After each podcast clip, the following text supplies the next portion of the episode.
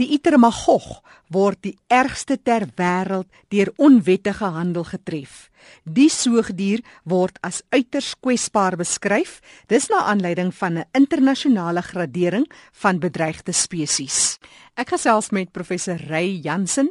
Hy is van die Tshwane Universiteit van Tegnologie en ook betrokke by die Afrika Itermagog werkgroep want dit gaan oor 'n baie spesiale 'n soogdier en ons fokus meer spesifiek op die gronditermagog.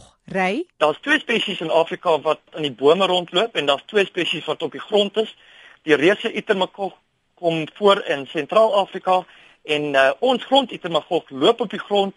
Hy uh, soek termiete en en mure op die grond. Hy bly in gate op die grond wat hy of selfs uitkrap of van 'n ander dier gebruik. Interessant is selfe, hoe groot word die reuse itermagog? Die gemiddeld is omtrent so net oor die 20 kg. So hy's omtrent net bietjie meer as 2 keer die grootte van ons grondietermagog wat tussen so 10 en 12 kg gewoonlik is. So ons kleintjies staan omtrent so 35 40 cm van die grond af en hulle loop op op hulle agterbene.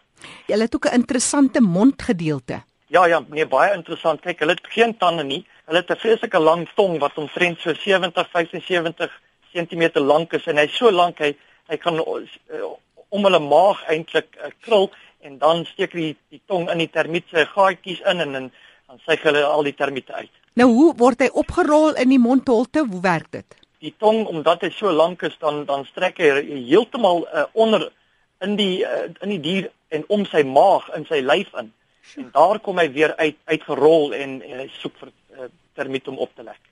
Nou dis 'n baie interessante dier want hy hy blyk mos amper soos iets wat so skubbe is wat so oor hom lê. Hoekom is hy nou eintlik 'n soogdier? Ja, kyk, al al die soogdiere, die maas voer hulle mos met die borsmelk en hulle het ook uh nie net skubbe nie, maar onder op die mel, uh, op die maag en, en tussen die skimme is is hare. So dit maak uh, die dier maar 'n soogdier.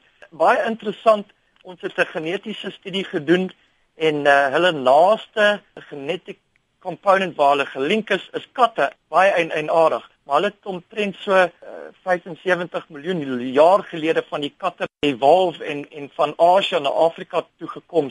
Baie interessante dier. Die skubbe is van keratin gemaak soos hare en soos 'n renoster se neus horing en en is vreeslik vreeslik hard. Selfs 'n leeu sukkel om daardeur die skubbe te kom en dit beskerm die dier homself hy rol in 'n in 'n baie tight ball in dis hoe hulle hulle self kan beskerm maar on, ongelukkig nie teen mense nie. Ja, dis 'n groot kwessie. Nou nou daaroor, ja. maar waar lê hulle presies in die voedselketting?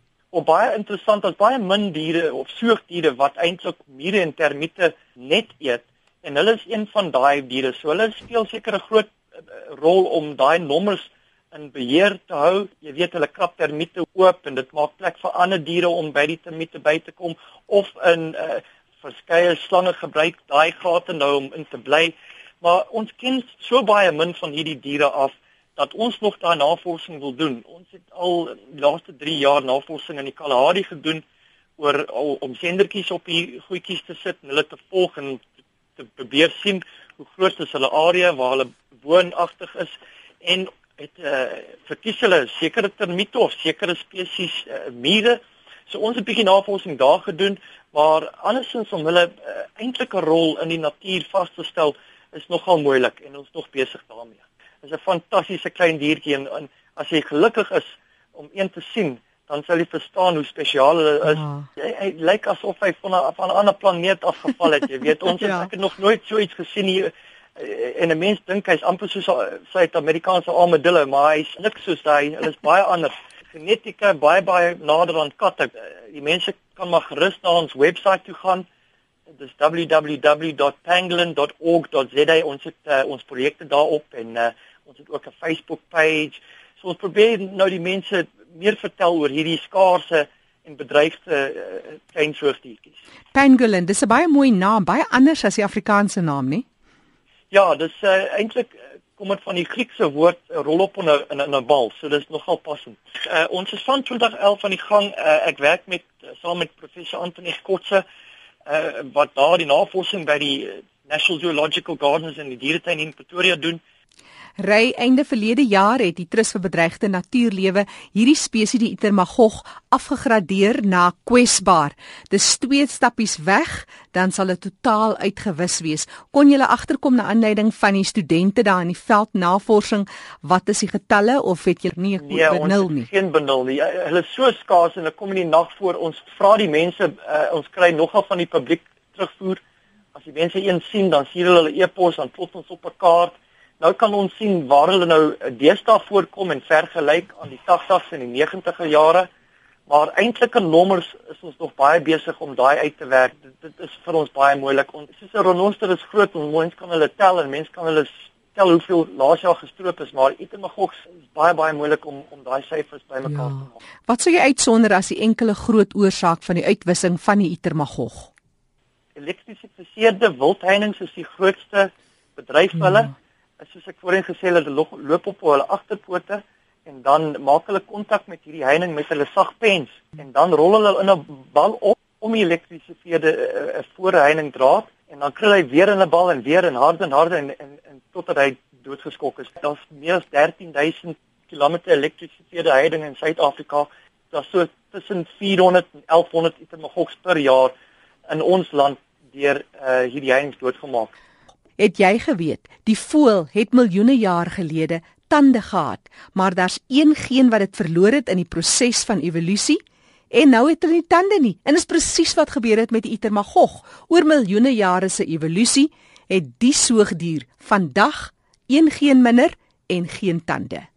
Ek gesels oor die Itermagog met professor Ray Jansen van die Tshwane Universiteit van Tegnologie by die afdeling Omgewingswater en Aardewetenskap.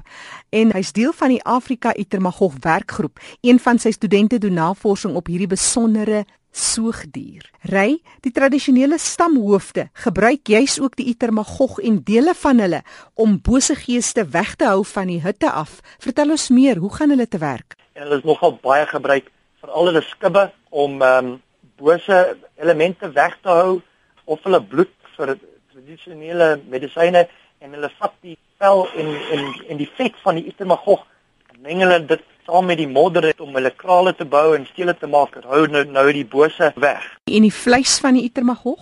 Nogal min geëet in ons land. In die Zulu kultuur is dit 'n baie baie groot geskenk wat 'n mens aan 'n stamhoof kan gee. Oh. Hulle is so bedryf in KwaZulu-Natal. Ek ek persoonlik dink daar's niks oor nie. In Zimbabwe toe die inauguration van ons goeie vriend Robert Mugabe nou ge gebeur het 'n paar jaar gelede, het hy nogal 'n goeie paar honderd itemagog gekry. So dis 'n beskou as 'n groot geskenk. Is, maar uh, om te eet nie so baie in in in Suid-Afrika ja. nie, maar baie baie in Wes-Afrika en Sentraal-Afrika. Ja. Sal dit dan 'n dooie itemagog wees of as hy nee, lewend nog?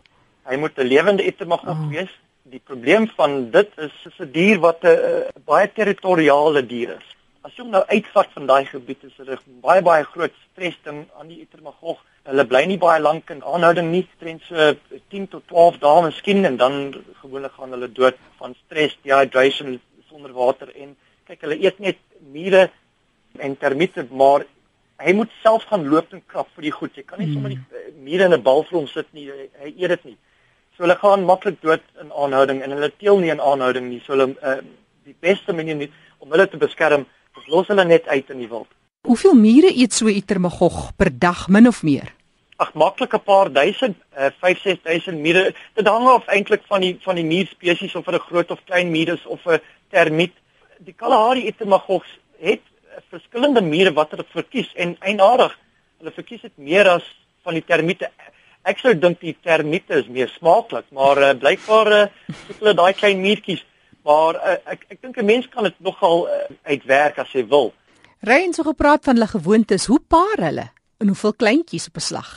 Wel, dis nou 'n baie moeilike ding om te vra, jy weet. Uh, ek dink met baie moeilikheid, maar hulle hulle kry dit reg van die wyfies het uh, een baba per jaar, maar dis een van die probleme want uh, die die broeitydperk is lank vir hulle en hulle hulle nie twee of drie babas op 'n tyd nie, maar net een. Al ry die babatjie op die wyfie se stert rond totdat hy of sy nou sterk genoeg is om om self op die been te, te staan en en sy eie kos te gaan soek. Maar een baba per jaar is nogal min vir 'n ja. spesies wat wat eintlik nou op die ondergaan is, jy weet. Ja.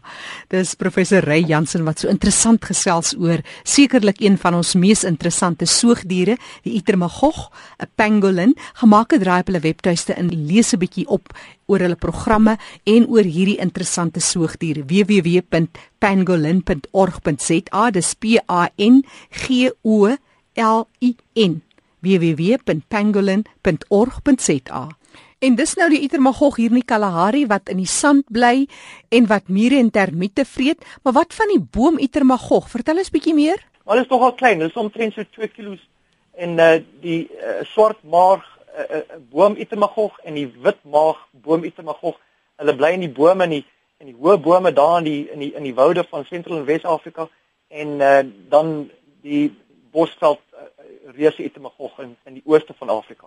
Maar dis interessant dat hy afstam van die kat. Wat 'n interessante wending wat dit daar geneem het nie. Ja, nee, baie baie interessant. 180 miljoen jaar gelede daar in uh in Gondwanaland in Laurasia toe toe ons uh um wêreld nou saam in een groot superkontinent was, het hulle nou in in um in Europa ontstaan en dan omtrent 87 miljoen jaar gelede het hy uit uitgekom na Asië, Noord Noord-Amerika, Noord-Amerika die etemagog is nou uh, uitgesterf. Maar in Asië is daar vier spesies wat baie baie bedreig is en die uh, die Asië mense, die Chinese het amper al vier opgeëet. En nou kom soek hulle na ons etemagog. ons het uh, Dinsdag uh, inligting gekry van Hong Kong waar hulle 'n uh, ton skibbe in Hong Kong se hawe gekry het wat uit Kenia was so hulle hulle kom soek ons item nog ons met 'n groot hart. So ons probeer nou hard werk saam met die Chinese mense. Ek was laasweek by die Chinese ambassade. Hulle uh, het my daar ontvang en tot lank gepraat en hoe ons nou saam kan werk met met hierdie hierdie groot wêreldgestropery. Mm. Um, die gestropery van Itermagos is omtrent maklik 10 keer meer as renosterus, maar baie baie min mense uh, weet van die diere. So ons werk hard daaraan en ehm um, as ek nou terug kan kom, dan omtrent so 40 miljoen jaar gelede is die Afrika Itermagog uit Asia ingeloop in Afrika in. Maar ons weet nie of hulle eers in die takke ingegaan het of in die grond gebly het nie. Ja. Dit moet ons nog weer navorsing doen. Ry en as jy nou praat van so 'n oertydperk en jy kyk na die Itermagog, dan lyk hy eintlik maar nog baie soos 'n oerdier. As ons moet hom vergelyk met 'n dier wat vandag lewe, van die soogdiere, met watter een sou jy hom omtrent so min of meer in dieselfde lyn sit ten opsigte van sy voorkoms? Ek sou sê kyk hy's baie uniek. Jy jy ja. jy kan hom nie vergelyk aan enige ander soogdier nie, net miskien 'n armadillo, maar hulle is ver van mekaar af eintlik geneties ook. Ehm um, maar hy is vreeslik uniek. Uh, hulle het nou soos voels die een geen verloor wat vir hulle tande gee. Uh so voels het Archaeopteryx het ook tande gehad baie miljoen jaar gelede uh, in Europa ook uh, in die Itermagog het daai selfde geen nou verloor wat hulle tande gee en dit het nou seker hulle gehelp, jy weet. Maar ehm um, om hulle te vergelyk aan ander soortdiere is, is maar baie moeilik. Hulle is hulle is heeltemal uniek en um, om hulle self te beskerm en net die bal ons het so 'n CT scan nou gedag gedoen om te sien nou waar gaan al die organe en alles maar as hulle eers in 'n bal is dan hou hulle hulle hulle eh, voorpote hulle agterpote uh, vas en dan kan hulle baie baie streng in hierdie bal hou. Groot loose en hienes kan eintlik nie hulle bykom nie. Die skip is vreeslik vreeslik hard Dis professor Ray Jansen wat gesels interessant oor die Itermagog. Hy is van die Afrika Itermagog werkgroep. Professor Jansen is van die Tshwane Universiteit vir Tegnologie by die Omgewings-, Water- en Aardewetenskappe Departement. Besoek hulle webtuiste en gaan kyk hoe lyk 'n Itermagog en van die programme en ander interessanthede. Dis www.pangolin.org.za. Ek spel dit P A N G O L I N.org.za.